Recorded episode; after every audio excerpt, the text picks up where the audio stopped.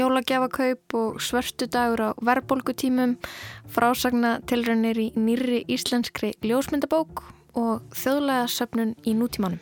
Fólk sem opnar ljósmyndabók þá þú veist byrjar ekki að blasja eitt og fer síðan raugrætt í gegnum alla bókina yfirleitt heldur opnar það hana einhver staðar og flettir aftur að bóka áfram. Þannig að þegar þú ert að vinna inn í þetta form þá þarf þetta að hafa þetta í huga.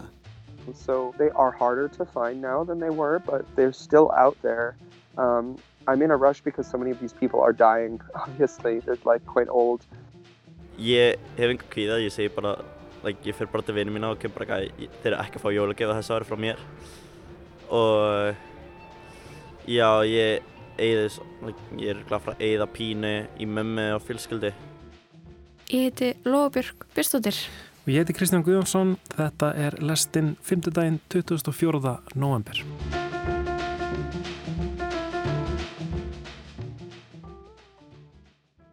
Komið sæl, kæru hlustendur. Við ætlum að byrja lestin á því að stíga inn í tímavél til ársins 2011 þegar allir voru að hlusta á þetta lag.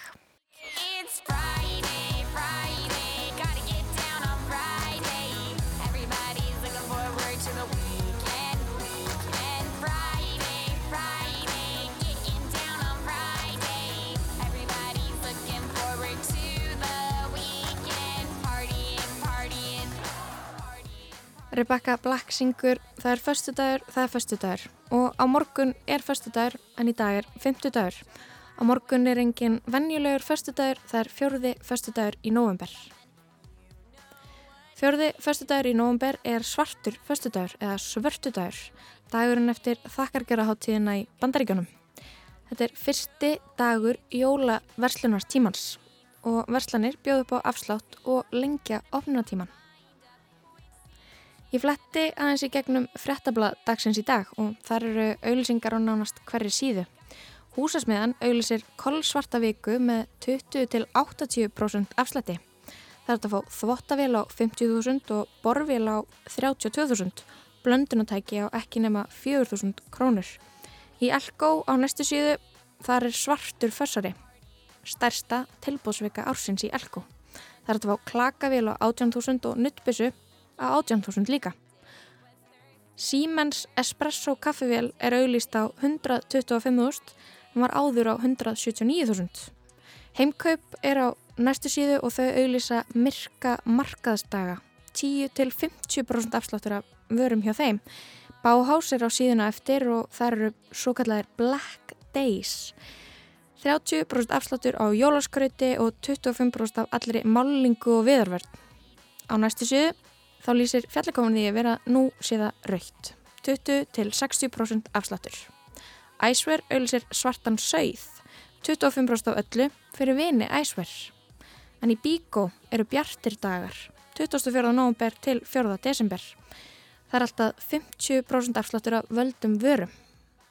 Engin virðist einhvern veginn geta sammálst um hvað á að kalla þennan dag eða þessa tilbóðsvíku sem er nú að ganga í garð en á morgun er förstu dagur.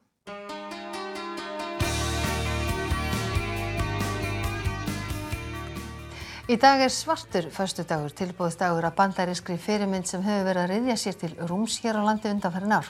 Neytendur segist vera vel á verði fyrir gillibúðun. Welcome back to CBS Mornings. You know that Black Friday has long been the unofficial kickoff to the holiday shopping season. You know that, Tony, right? I do know that. Yeah. You know that. After know that Thanksgiving meal, millions of Americans immediately turned their attention to getting the best deal. With Black Friday just two days away, a benchmark for the holiday shopping season, major retailers like Amazon are already warning that there may be a slowdown in consumer spending. It's Friday, I'm in love. Ég mætinga í smáralindina og ég verða að vita nú þegar það er mánuður til jóla hvort að fólk sé byrjaði að kaupa jólagjafir. Það er búið að jólaskreita, það er ágætlega mikið af fólki hérna þó það sé bara hádegi á fymtudegi svartur föstudagur eru morgun og já, ég ætla að spyrja aðeins fólk út í jólagjafa innköpinn.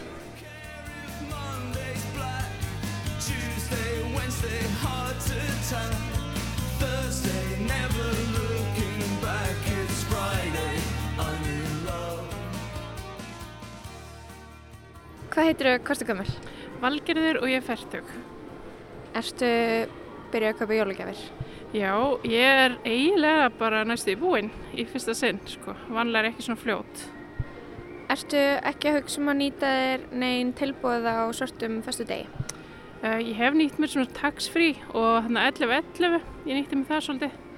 Um, og svo bara, þú veist, af því það hefur allt hækkað svo mikið, þá er ég bara búin smám saman vera að sapna í jólagjafinnar, sko. Sapna hlutum og svona yfir árið eiginlega bara. Helga og ég er 63. Erstu byrjað að kaupa jólagjafir? Já, ég er svona í hugunum er ég búin að klára það. Veistu hvað þú eigðir sérska miklum pening í jólagjafir á ári? Ég, nei, ég veit það ekki. Sko, það er líka sem ruggla að því ég er MS-sjúklingur og ég er að kaupa svo mikið það sem ég er að gera í MS.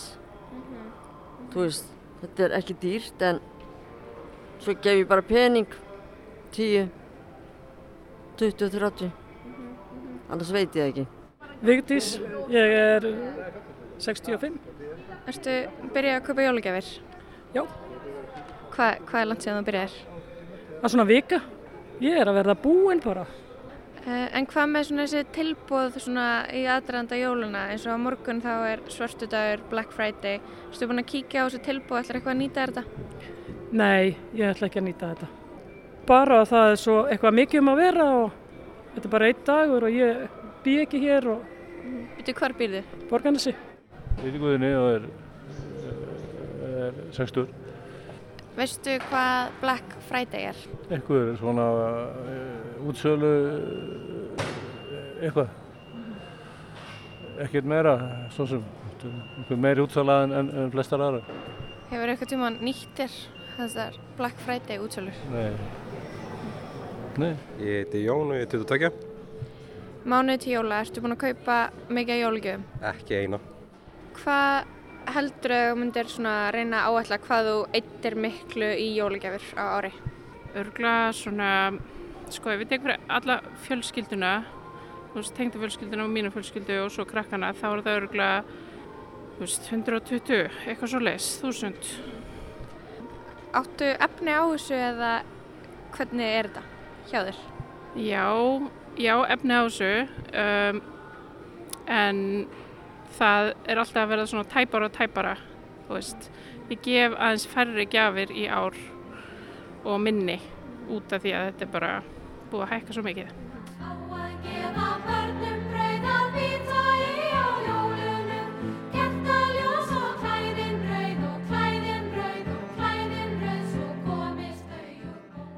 Ég heiti Samir og ég er 17 ára gammal.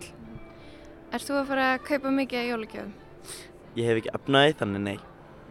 Á morgun er Black Friday. Heldur að þú nýtir eitthvað þessi tilbúð á Black Friday? Ég held ekki á þessu ári en já, örgulega bara in the future þá mun ég nota meira en ég hef ekki efnaði þannig nei, ekki þessu ári. Erst það ekki vinnu?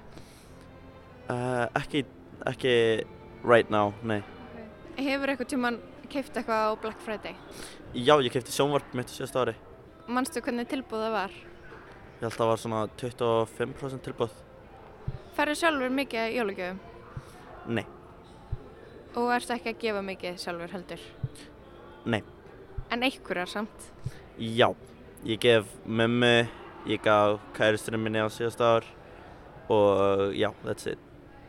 Um, hvað svona áætlað er að, eigða miklum pening í jólagjafir? Ertu með eitthvað svona peningakvíða fyrir jólunum eða, eða Uh. segir þú bara sorry, það kemur ekkert frá mér? Ég hef enga kvíða, ég segi bara, like, ég fer bara til vinið mína og kem bara ekki, þeir eru ekki að fá jólagjöf þessu ári frá mér. Og já, ég eigði, s- like, ég er glad frá að eigða pínu í mömmu og fjölskyldu. Hvað heldur að eigða miklu? Mestalagi 10k. Ertu búin að velja að gefa eða hvað, hérna, þú þarfst kannski ekki að segja að þú vilt ekki að mamma einn heyri ertu Nei, mamma horfur ekki að rása, þannig að það er alltaf. Uh, ég er örgulega að fara að kaupa kjól handa mömmu, en svo veit ég ekki hvað ég er að fara að kaupa fyrir restan af fólki.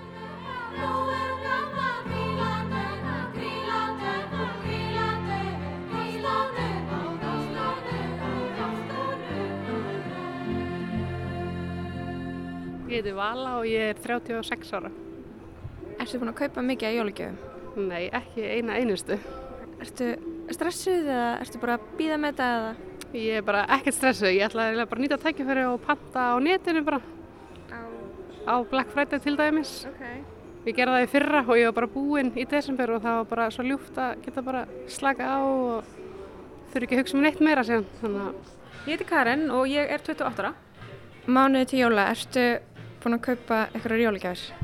Örfáar. Ég veit að það á kannski eftir að koma í ljós núna einhvern veginn í desember en svona fyrri ár og kannski það sem þú sér fram á hvað heldur að þú ættir bara svona að áætla, hvað myndir eða miklu í jólagjafir? 100-150 þúsund. Ertu að gefa mörgum eða? Já, svona bæði og. Það er misast á, á hverju ári þannig séð sko. Ertu, þú veist, ertu með börn? Nei. Ertu að deila sem kostnaði með ykkur og með er þetta bara 100-150 þúsund bara, bara frá þér? Nei, þetta eru ég og kallinn. Okay. Um, finnst þú að eiga efni á jólunum? Já, maður finnur leið. Kekja. Þú veist ekki að fara að steipa þér í ykkur skuldir? Nei, nei, nei, nei, nei, ekki þannig. Hvað heldur þú að eyðir miklu í jólagjafir? 35.000 skall eitthvað slúðis. Ertu að gefa mörgum? Nei. Hefur alveg efni á jólunum? Já, ég leit maður hafa það. Ertu þá að sapna eða hvernig þarna, eða ertu kannski bara að reyna að- að eyða ekki of miklu í jólagjafir? Já, ég bara er ekki með það marga gjafir að ég vil bara gefa þeim sem ég, já, vikið ekki vantum og gefa þeim bara sæmilegt að ég til.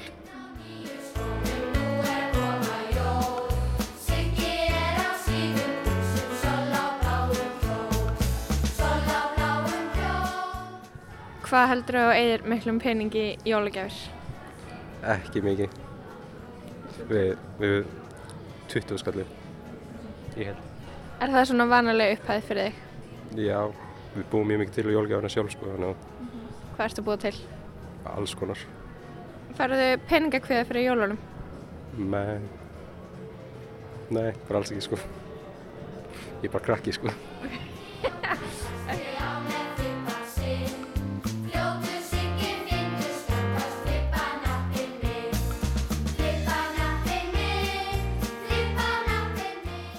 Færðu þetta tilfinninguna þegar þú talaði fólki í kringu eða er fleiri í þessum sporum? Já, og mér finnst líka fleiri vera farnir að, uh, þú veist, til eitthvað sjálf, uh, þú veist, prjóna eða eitthvað þannig og nýta sér svona, uh, endur nýta, þú veist, kaupa notað og það er allt í lægi, þú veist, sem var kannski ekki jafn mikið fyrir nokkrum árum, þú veist, fólki fyrir finnst það í lægi að gefa eitthvað notað, sem er bara mjög góð þróun. Finnst þér eins og svona, já, hvað maður að segja, peningakvíði eða svona áhyggjurnar að, að þú veist hvaða fer mikill peningur í þessa háttíð, finnst þér að vera að fara að skyggja á jólinn fyrir þér? Mm, nei, en ég sé alveg að það geti gert það. Ég er bara heppin að vera, þú veist, ég er í fullri vinnu og maður minn líka, þannig, þú veist, við náum endum saman. En ég sé alveg að það geti gert það hjá mörgum. Þó við séum bara heppin. Veistu hvað Black Friday er? Já, Ertu að fara að nýta þér eitthvað þannig tilbúð? nei, Hefur þú gert það áður? nei, Getur þú ímyndað þér að gera það? nei, ég nenni því ekki. Færðu þarna eitthvað svona peningakviða fyrir jólinn? Finnst þér jólinn vera dýr? Það er allt dýrt. Já, það er allt dýrt. Jólækja, þetta er allt dýrt. En maður lætur sig hafa það. Þetta, þér- þetta er ekki þannig að, að, að þú veist þetta eiðilegur jólinn fyrir þér, þetta er bara svona Nei, nei, nei, nei, nei. Ég læt ekki ekki jóli míns með því að koma jólækjafir. Nei. Þó að þetta sé dýrt, þá gerir maður þetta samt.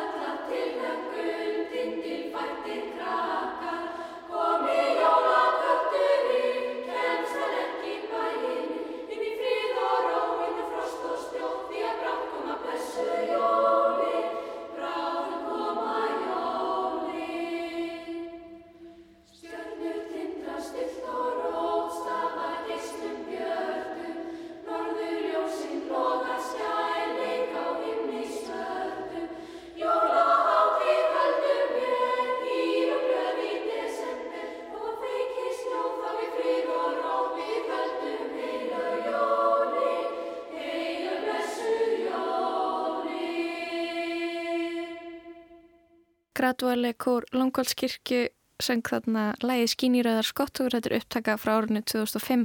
Mér finnst þetta að vera svona eiginlega jólulegasta jólulegið. Og þú ert að spila það hérna strax uh, í november. Ég held að megi byrja að spila jóluleg kannski á morgun. Nei, ekki frá sitt. Það er, það er frá með fyrsta desember. Ó. En ég held að þetta tók... sleppi að því að þetta var svona hluti af inslæginu. Ég tók forskot á sæluna. Ég vona að mér verið fyrirgefið. Já, við sjáum til hvort að einhver kvarti til útastjóra Eh, Tölupósturinn í honum er stefan.eiriksson at uh, rúf.is Já, það er sannilega mest viðandi að senda bara beint á hann. Um, þá er allt öðru, við ætlum að snú okkur að ljósmyndum.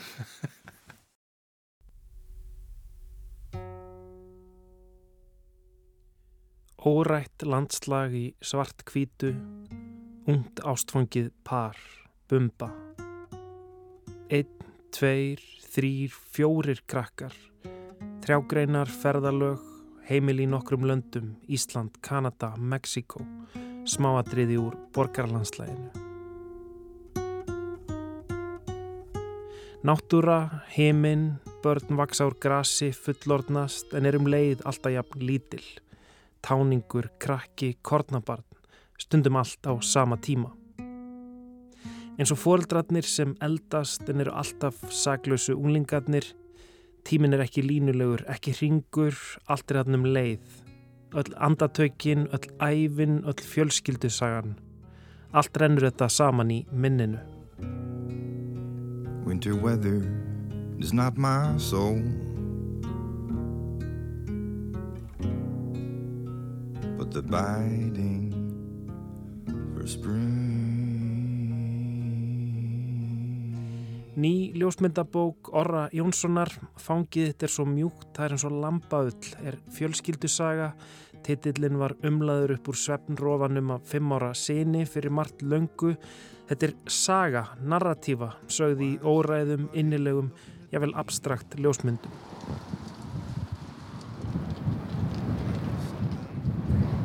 Vindurinn dinur á glukkanum á Grettiskutunni Orri hellir upp á blöndu af kaffi og heitu súkulaði með rjóma og við setjumst við borstofuborðið með bókina fyrir framann okkur. Er þetta í pásu? Já. Ok, ég er í smá viðtali. Getur nokkuð... Like I'm a southern bird that stayed north too long Þetta er hérna, já, kannski mjög einföldi máli fjölskyldu saga. Uh, myndirnar í henni eru spannar svona 31-2 ár. Já, þetta eru svona þetta er bland af portréttmyndum af hérna, minni svona kjarnafjölskyldu konunum minnu og hérna börnunum okkar í, já, í bland við landslag og, og hérna borgamyndir þar sem við hefum búið og einhverjar svona meiri, meiri abstrakt í svona tilhörðin til þess að búa til já, svona kannski að opna narratífi sem að hérna getur gengið aftur og baka áfram. Einmitt, þetta er mjög svona hvað var að segja, uh, intimate. Þetta er svona eitthvað svona náinn bók. Ma, maður fær eitthvað svona uh, að skiknast inn í, inn í þessa litlu fjölskyldu einingu einhvern veginn. En þetta er samt líka mjög svona íhugöld þannig að mann mað, mað kannski Eh, já, ma maður fær ekki að vita of mikið og ég var að hugsa það svona að myndirnar sem eru af einhverju landslægi eða borgarlandslægi og svo leiðist, það eru ekki svona eh, setja mann ekki mjög skýrt á einhvern stað sko, það, það eru einhvern veginn ma maður veit ekki alltaf alveg hvar maður er eða hvenar maður er og þetta svona rennur einhvern veginn allt svolítið saman en, en inn í þessu litla, þessari litlu einingu einhvern veginn fjölskyldunar Já, sko ætlinu með þeim var einmitt ekki að einmitt svona staðsetja hérna ok okkur eða fólkið í bókinni á einhvern stað heldur meira hérna kannski staðsittja það tilfinningarlega þú veist, í, í samengi við eitthvað landslag eða, eða, eða hérna, borgarlandslag. Uh, og það er til dæmis, ég kom staði bara svona þegar ég var langt komið bókina, það er svona svolítið mikið af, af myndum af hérna krökkunum okkur að svona að hugsa eða svona starra einhvert hérna óljóst uh, það gerist einhvern veginn óvart og smá saman Það er mjög íhugul fjölskylda Já, nefnir, það virkar rosalega gálega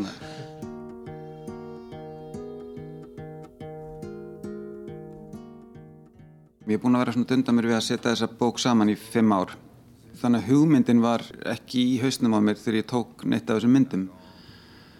Og varandi tíman sko þessi 30 pluss ár, ég, það var heldur ekki skiptið mikið máli að, að veist, það sé einhver svona, einhver, einhver först tala eh, á, á þessu tímanbili en, en ég vildi svona, já, búa til innan þessarar sko, hérna, bókar, búa til eh, eitthvað svona tíma einhverja tilfinningu fyrir tíma.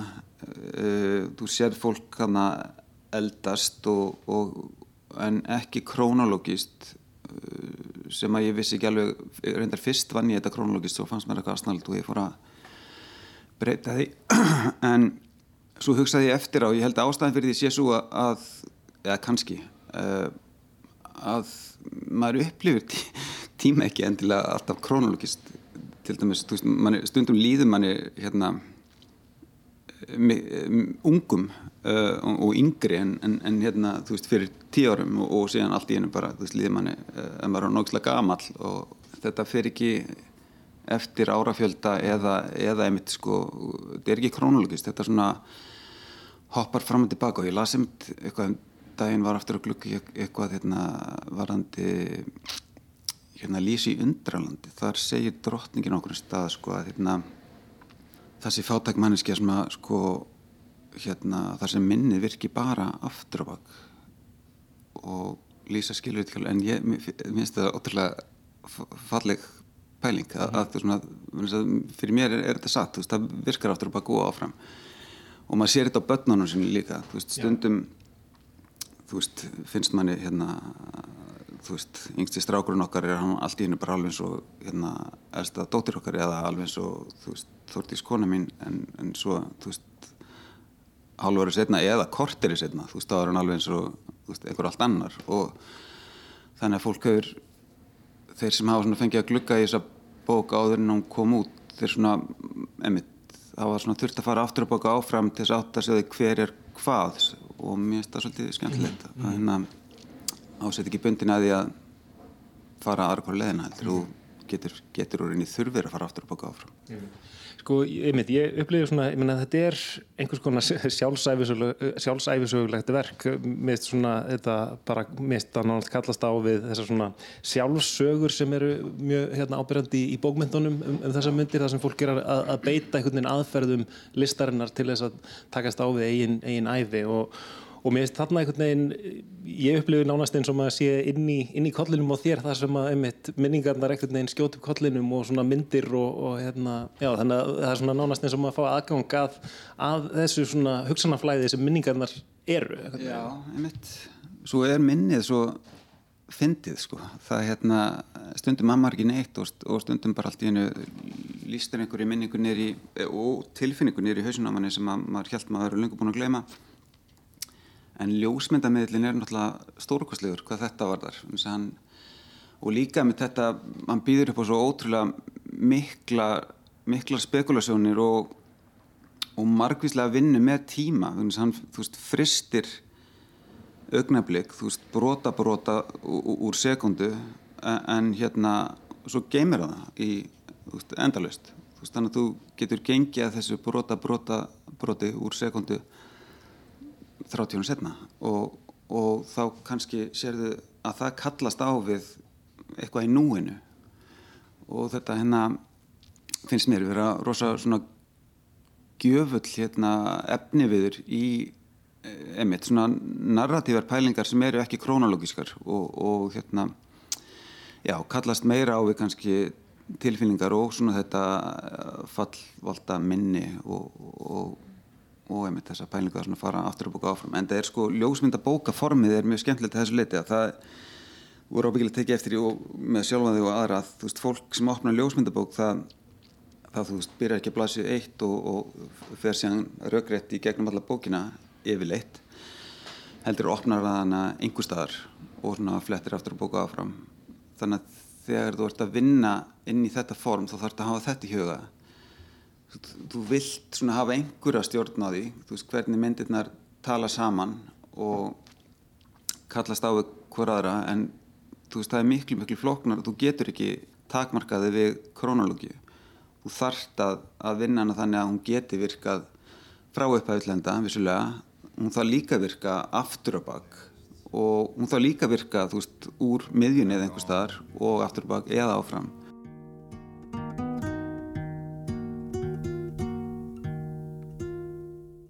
En, sko, ljósmyndabækur og, og til dæmis útgáfa þeim hérna á Íslandi um, það er svolítið mikið um, um það að, að, að við fáum bækur sem eru í rauninni svona söfn af, af ljósmyndum uh, sem að kannski eiga ekki, eiga ekki gera, virka á þennan hátt eiga ekki endilega að vera narratívar heldur hver mynd einhvern veginn stendur nánast bara sjálfstæð og svo fer maður bara einhvern veginn heldarverk ljósmyndarans eða eitthvað svo leiðis eða einhver seria eða eitthvað svo leiðis um, en, en þetta er eitthvað svona form sem að, sem að, sem að þér finnst svona já, áhugavert og mætti kannski vera meira af í íslensku ljósmynda umhverju eða hvað? Já, og ég held að verði meira af en hérna, já, það er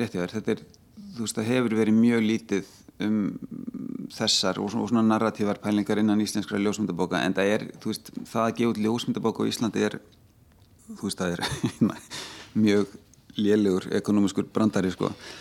það, er svona grín í ljósmyndaheimum það er þessi dýrasta nafnspjald sem getur brentað sko.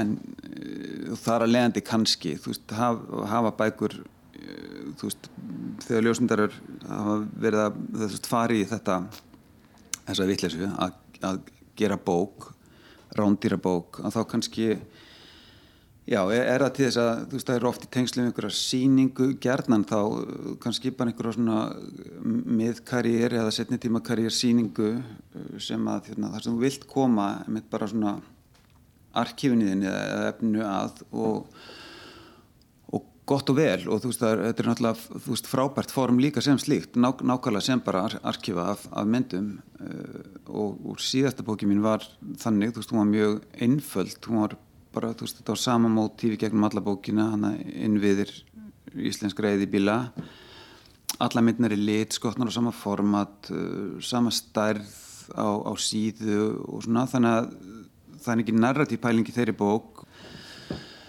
En já, þetta er eins og það er svona miklu meira spennandi finnst mér, þú veist, að vinna með þetta svona opið og sérstaklega sko ljósmyndabókin sem miðill út í heimi er búin að vera á alveg ótrúlegu flugi svona síðustu 10-15 ára allavega og hefur svona gengið gegnum algjöra svona endun í lífdaga. Þannig að smá saman er fólk sko allavega út í heimi og einhverju liti, einhverjir áhuga menn hérna, þú veist, orðnir fólk eru svo læst á hérna, þetta nýja tungumál, þetta er nýtt tungumál að svona einhvern veginn lesa ljósmyndir á einhvern svona já, narratífan eða svona undirlíkjandi söguhátt. En það kemur ekkert eðlilega, þetta er tungumál sem það þarf að læra og, og þú veist, þetta er svona, fyrst er maður svona rekst á svona bækur þá rekum mann pingu í róastans en þetta er óendalega hérna þetta býður upp óendalega möguleika mm. og er þar lendi já, bæði erfitt en, en hérna ótrúlega svona gjöfull og, og skemmtilegur hérna, miðl Too many birds in one tree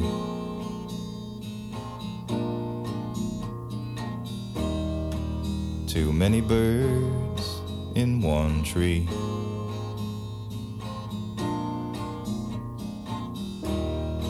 And the sky is full of black and screaming leaves. Það eru svona nokkra leiðir til þess að reyna að leiða hug, áhórandan eða lesandan inn í eitthvað hík eða stopp eða svona, þú, þú getur reynd að stjórna hraða lestusins eða hraða upplifununar að, þessu en með alls konar svona verkvæðunum, til dæmis eitt er að skilja eftir auðasýður inn á milli.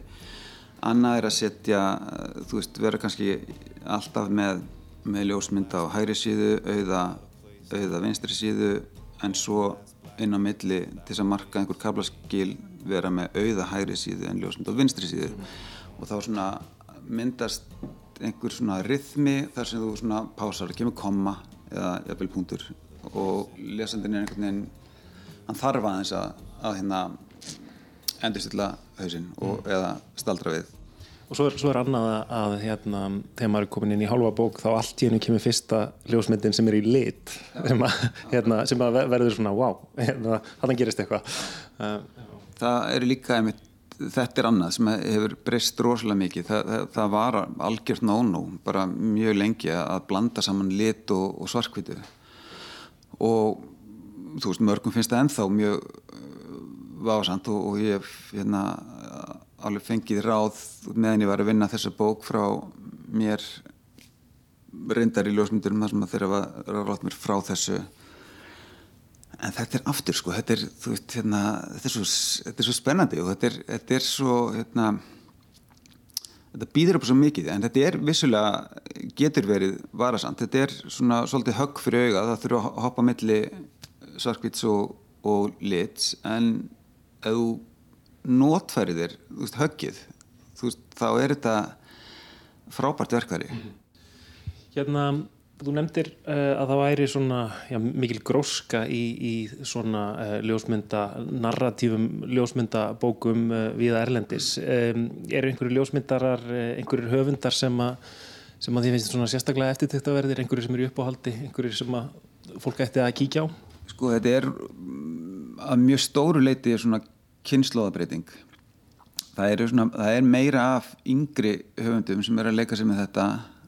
Þú, þú sérð ekki mikið um þessa pælingar í, í þú veist svona gömlu kanonunni þó að kannski jú, einhver liti Robert Frank reyndi að gera þetta og eitthvað svona en nýri höfundar sko, já, það sem er ég greip nú innan bara til að sína þér sko, þessi kona hérna er bresk, Vanessa Winship heitir hún og kemur rauninni, hún er ekkert kottnung en, og kemur kannski úr svona klassískari nálgun á ljósmyndun en, og portrétt ljósmyndun sérstaklega en hefur verið með hverju bók að færa sig einhvern veginn nær því að svona opna bókaformið fyrir einhverjum svona narratífum pælingum. Og núna síðasta bókinn þá fyrir hún í samstarf við Ritthöfund sem að skrifar eða laumar hérna inn á milli smásögu sem að svona kallast mjög fallega og stundum óvænt, stundum meira augljóst á við myndirnar í, í bókinni og er mjög skemmtilegt.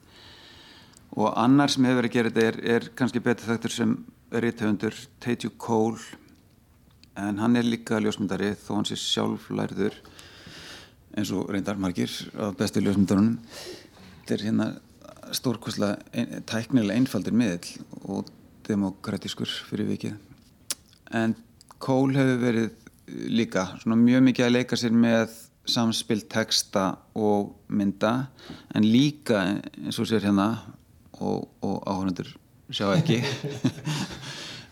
Ljósmynd af svona hangandi þvotti á snúru ekki á Íslandi reyndar, ekki í Íslensku sveitinni einhver starf annar staðar Já, en hér er til og með sko þetta eru tvær myndir saman og nákvæmlega sama sjónarhóttnið sama snúran en þú veist það er aðeins munur á og að bara munurinn fælst í bara vindinum á milli augnablika hérna.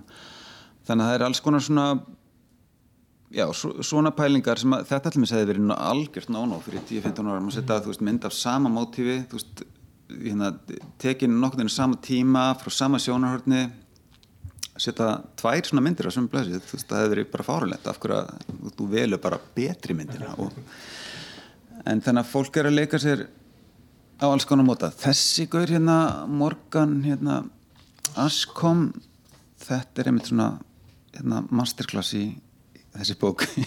Í svona þessari finnst mér svona narratífu ljósundabóka pælingu. Og ég veit ekki hvernig ég ætti að fara því að lýsa þessu í útvarpið sko. Uh, en það eru mjög svona lúmskar uh, vísbendingar myndrænar uh, á milli myndana hérna, sem vísa í ekki bara næstu mynd heldur, þú fletti kannski nokkra blaðsýður og þá er eitthvað svona stert myndrænt í mynd sem að sko vísar í, í mynd sko fimm blaðsum fyrr og þá þart að bakka og skoða aftur og þá sérðu aðra hluti þannig að þú ert komin með einhver svona eitthvað myndrænt tungumál í hausin og hérna svo laumar hann líka inn á nokkrum stöðum svona lausum uh, brefum inn á milli. Orri, ve veistu eitthvað af hverju þessi þessi bylgi er að gerast núna hérna, er, er, er einhver, einhver sínir augljós ástæða eða, eða er þetta bara kannski bara Instagram já, já, já, nei, ég, nei, ég veit ekki nema bara þú veist, svona, þú veist þetta er eins og ég sagði sko ég held að þetta sé mjög svona kynnslóða þetta sé svona mm, já, svona mjög afgerandi kynnslóðabreiting og það er bara gerast öru hverju.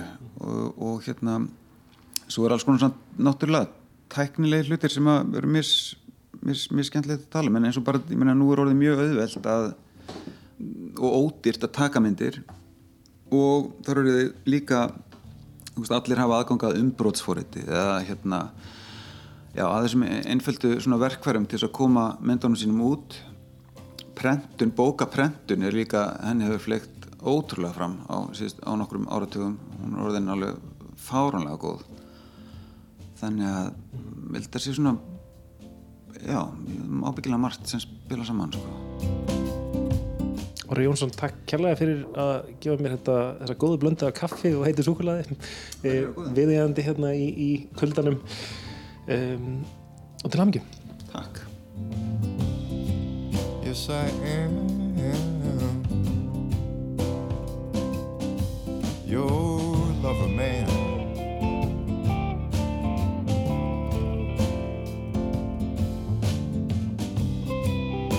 I am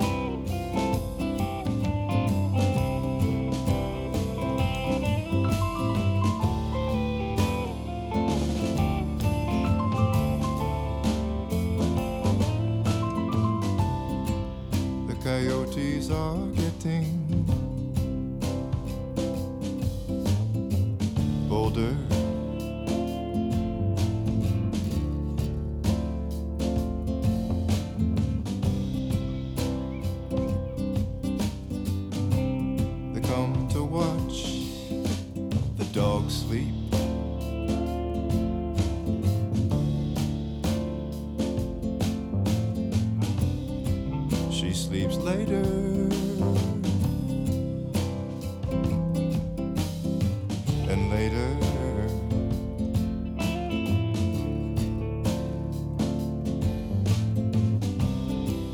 As she gets older.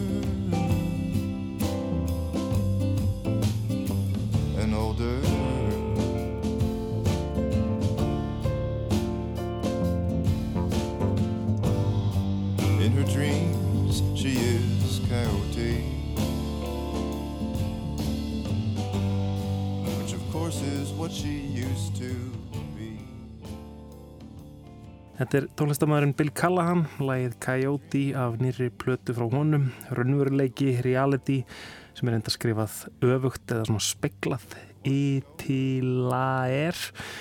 Um, öll tónlistin í einslæðinu var einmitt eftir þennan frábæra um, tónlistamann, söngarskáld uh, Bill Callahan, hann, sem hann hefur annarkort gefið þá út undir því nafni eða Smog sem var listamannsnafnið hans framan af ferlinum. Tónleitt Callahans e, sæði orri einmitt að hafi veitt honum svona já, innblástur og, og hjálpað honum að, að, að e, flétta þetta verkefni saman svona á, á loka metrónum og, og Bill Callahan á einmitt sko texta hérna í lok bókarinnar í rauninni eina textan sem er í bókinni um, sem hann skrifar bara sérstaklega verið þessa bók eh, en þeir uh, Orri og, og Bill um, tekjast frá því að Bill Callahan, spilaði þetta á Íslandi um, á samt Jónu Newsom á sín tíma og Slow Blow sem að Orri er, er, er meðlumur í hituðu upp þannig að það er verið einhverju bandi Má ég sjá þessa bóka? Já, mátt sko hana. hún er svo flott. Hérna, ég var að mynda að velta þessu fyrir mér sko, uh, að því að ég hef aldrei prófað þetta einhvern veginn að- að lesa ljósmyndabækur eins og sögu og nú sé ég einhvern veginn að þú opnar hana bara einhvern veginn í miðjunni Já, og ferð aftur það. á bak Jú, algjörlega, það var það sem Orri var að segja að hérna, fólk nálgast þetta auðvitað á allt annan hátt heldur en kannski hluti sem einhvern veginn byrja á einum augljósum stað og, og, og enda á öðrum fólk fer bara þá leið sem að það vill Mhm. En, hérna, en já, það er svona ég held að venjulega þá opna maður einhvern veginn í miðjunni eða, eða aftast eða eitthvað svoleiðis, en Já, ekkert ef, endilega á byrjun ef það er ljósmyndabók held ég sko. Já, en mér, mér finnst mjög gaman að nálgast það og þetta er eitthvað sem ég hef aldrei einhvern veginn velt almennilega fyrir mér og að, að nálgast ljósmyndabókina eins og sögu sko, eins og framvindu. Mhm. og, og já, ég bara hlaka svolítið til að, að, að nálgast fleiri svona bækur sem gera þetta af því að þetta hefur ekkert mikið verið gert hérna á Íslandi og þarna þú, nú erstu við vendilega þá búin að skoða hana að prófa að fletta frá fyrstu Mhm. síðu til síðustu. Og upplifir eitthvað svona eitthvað narratífið það? Sko ekki kannski beint á þann hátt að ég geti sagt svona hver, hver sagan er en það, þetta er eitthvað svona tilfinningarleg uh, saga. Uh, og ég held að þetta, ég upplifið þetta allavega svolítið mikið eins og að lesa ljóð sem eru kannski maður á erfitt með að fang, átta sér nákvæmlega á hver sagan er í ljóðinu en, Mhm. en það er samt einhver framvinda Emitt. En allavega, þetta var uh, bókin um, uh, Fangið þitt er svo mjúkt, það er eins og lamba ull eftir Orra Jónsson. En hérna í lestinni ætlum við næst að halda vestur um haf. Derek Pjótr er bandarískur tilrjónutónlistamæður sem hefur ferðast um heimalandsitt undanfæri nál til að taka upp gumul þjóðlög sem eru aðeins varveitt í munlegri geimt. Nú er hann að skipulegja vinnuferð til Íslands og byðlar til hlustanda rásar eitt að hafa samband við sig því nú vil hann leggja sér þetta mörgum til að varveita íslenska rýmur og söngva. Þorður Ingi Jónsson, jaðar fréttarittari lestarinnar, rætti við Derek. Gömul þjóðlög og gamlar vísur týna tölunni og gleymast um leið og þeir sem kunna þau að syngja geispa gólunni. Allt í heiminum hverfilt er eins og sagt er. Sem betur fyrr eru þó alltaf til áhugamenn, sapnarar, tónlistamenn, nördar og einlægir aðdáðundur slíkrar tónlistar sem sapna gamlum þjóðlögum, vísum já og upptökum sem annars færu fórgörðum og enduðu í gladkistunni. Eitt þessara björgunarsveitarmanna á gamla tónlist í útrýmingarhættu er bandreikamaðurinn Derek Pjótur. Hann hefur ferðast vítt og breytt á síðustu árum til að leita uppi fólk sem syngur gömul þjóðlög með hljónemann og upptökutækið eitt að vopni.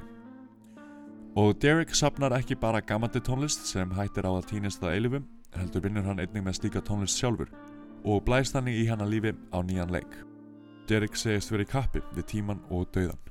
So my name is Derek Peter, uh, and I've made kind of art or experimental music for the last like 15 years. But for the last three years, uh, I've been really interested in other people's music, mostly folk songs and like oral tradition music that's been like learned, yeah, through family tradition.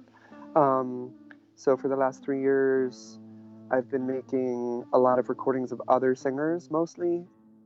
Gamlar íslenskar rýmur og hvæði eru á óskólistanum hjá okkar manni og hann vil leggja sitt að mörgum til að sá arfur glatist ekki heldur.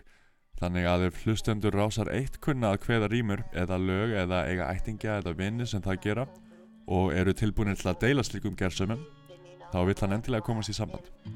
Hann auðlýsir reynd og beint eftir góðum stemmum eða fornum rýmnalögum og ekki nóg með það, hann er að skipulegja vinnuferð til Íslands. Hann langar til að læra að kveða og kynna sér íslenska rýmna arf og hljóður þetta allt sem hann kemst yfir, segist tilbúin að taka upp allt nema kók og kartöflur. I've sort of become a new person in the last three years. Uh, it started, I heard uh, this compilation of music from the American South, like North Carolina, Tennessee region. And there was this one singer on one of the compilations called Lena Turbyfill, who I thought was just like one of the best vocalists I'd heard in forever. Derek hefur í mörg ár sungið og samið eigin tónlist en senustu þrjú ár hefur hann aðalega innbytt sér að tónlist eftir aðra og þá helst úr munlegri hefð eins og fyrir segir. Ævintrið hófst þegar hann var að hlusta á sapplötur gefnar út af Smithsonian safninu í Washington með upptökum af þjóðlögum frá Suðuríkjum bandaríkjana. Það var einu upptaka sem stóð upp úr en það var upptaka með lít þættir í söngunum, Lenu Turbyfill. He hitched up his horse and went out to plow. Now he got around, I never knew how to sing a fa diddle la diddle la fa diddle la diddle la day. She was in this Library of Congress compilation called Anglo American Ballads Volume 2. Lena just had this one song available on this compilation. There was like nothing else published, and it was so like it was such a weird ballad. It was like had this line about sticking a baby full of needles and pins, but she sang it like really sweetly. So it was this kind of really like brutal, fucked up content. But then the way she sang it was like really kind of beautiful. Um, so I wanted to know more about her. Lægið sem Derek heyrði var balladan Gamla konan og djöfullin en Derek heitlaðist sérstaklega af því hvernig óhugnanlegt innehald textans stangaðist á við fegur til söngsins. Hann komst fljótt að því að til væru fjölmarkar upptökur með Lenu í hyrslum landsbókasás bandaríkjana en heimsfaraldurinn kom í veg fyrir að hann geti farið sjálfur og fært upptökurnar yfir á stafrænt form.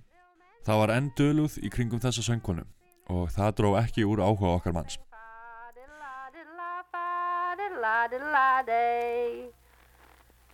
One little devil met him at the gate.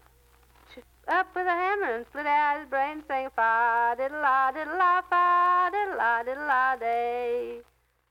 The Library of Congress in Washington D.C. had like dozens of recordings of her. So uh, I was going to go to the library and like hear them in person and like get them digitized or whatever, like transfer them. And then COVID happened. so I couldn't go. Uh, and and they even shut down all of their services and everything, so they couldn't even email them to me. So uh, it ended up being a good thing because it fed my hunger about Lena and her life and her family. What's the name of this piece? Tom Dooley, And who'd you learn it from, Miss Turberfield? my father, Uh-huh. All right. what I know of. Eftir smá rannsóknarvinnu komst Derek í símasamband við afkomendur Lenu í Norður Karolínu en ættingar hennar voru komnir af léttasta skeiði og er þá vekk til orða tekið. Lena átti eina eftirlifandi en há aldraða dóttur sem söng fyrir hann mörg þessara gömlu laga en hún lést aðeins nokkrum mánuðum eftir fund þeirra. En þar með var tótnin slegin, tótt sem markaði upphaf þessarar vegferðar sem nú liggur væntalega norður á bógin, alla leið til Íslands ef allt gengur upp hjá Derek Pjóður. and I ended up doing some home research, uh, and I ended up talking to her family that was still living, like on the phone, and then I ended up going myself to North Carolina uh, that summer. So COVID was very much still happening, and all of these people were like in their 70s or 80s, but uh, they kind of wanted to take this risk with me and uh, meet me. Uh, so Lena had one daughter still living at the time, and she sang for me. She like picked up my field recorder like a walkie-talkie and sang this old ballad. Um, and she passed away like eight months after we met. Like you know, she was like really old. She was in her 80s. So I'm really glad I like took that risk and made made that trip. Um, but that sort of was the first session of like many collecting trips that I made Oh, Lincoln's was Speak- very like a fine friend. mason as ever laid stone. He built a fine castle, and pay he got none. Where is the gentleman? Is he at home? He's gone to Marion, visit his son. Where is the lady? Is she at home? She's upstairs sleeping. Said the foster to him. How will we get her down such a dark night as this? We'll stick the little baby full of needles and pins. They stuck the little baby full of needles and pins. The foster shoe off. Oh, Lincoln's he sang. So um, they are harder to find now than they were, but they're still out there. Um, I'm in a rush because so many of these people are dying. Obviously, they're like quite old. But yeah, all of this research has has culminated in uh, a website, which, if listeners want to find it, is um, fieldwork-archive.com. Now they sang. Shirley and Evelyn, I can remember them singing. What it was, they come to stay at us one time, and they was upstairs, and one of them was in the bathroom taking a bath, and the other one was in the room, and they was singing. don't sell daddy any more whiskey. It says, don't sell daddy any more whiskey because you know they'll take him away. Mama's crying and the baby is hungry. Don't sell him no liquor today. How, what's the melody? It says, don't sell daddy any more whiskey, for I know they'll take him away. Mama is crying and daddy and the baby is hungry. Don't sell him no whiskey today. Or I love little I, things I like that. I remember them singing that song because I thought, well, now that sounds like Daddy and Mama. That's the only thing I can remember them singing. And it's funny how that come to me because I hadn't thought of Shirley and Evelyn in years. But you'd mentioned like the two sisters in Icelandic, which I just would love a piece of because that, that yeah, so me. yeah, if I remember correctly, um, you know, because ballads are like really, really, really rarely sung in Iceland today. I'm thinking if if it's called Sistrakvæði, it could be called this Sistrakvæði, which means sister kvæði. Um, we have again here a little bit of a problem with the language because kvæði usually means a specific type of song, but a lot of the ballads are called kvæði, even though they're not. Um, yeah, it goes something like this. Um, Þorkell á sér dætur oh, wait, let me start again. Þorkell á sér dætur tvær lét mér blítt veröldin helg og signi heita þær nú fölnar fögur fold Langt er síðan mitt var endið lagt niður í langt er síðan mitt var endið lagt niður í mold Þannig í lokin var það Línus Orri sem að söng brot úr svo kalluðu hörpukvæði eða sistrakvæði í upptöku Dereks Pjótr en um, það var Þóruður Ingi Jónsson sem að rætti við þennan banderska tilruna tónlistamann og þjóðlaga sapnara. Það er hægt að um, já, finna allt þetta sapn hans, það er aðgengilegt á vefsíðinni fieldwork-archive.org Já, og þar með er dagskráin tæmt í dag hérna í lestinni. Jólagjafa og svörtu dagur á verðbólgutímum, frásagnar tilraunir í nýri ljósmyndabók Orra Jónssonar og þjóðlega söfnun í nútímanum. Emitt. Kormakur Marðarsson sáum hljóði í dag. Við Lóa og Kristján þökkum fyrir samfélgina í dag og þessa vikuna. Lestin verður aftur á dagskrá á mánudag. Verið sæl.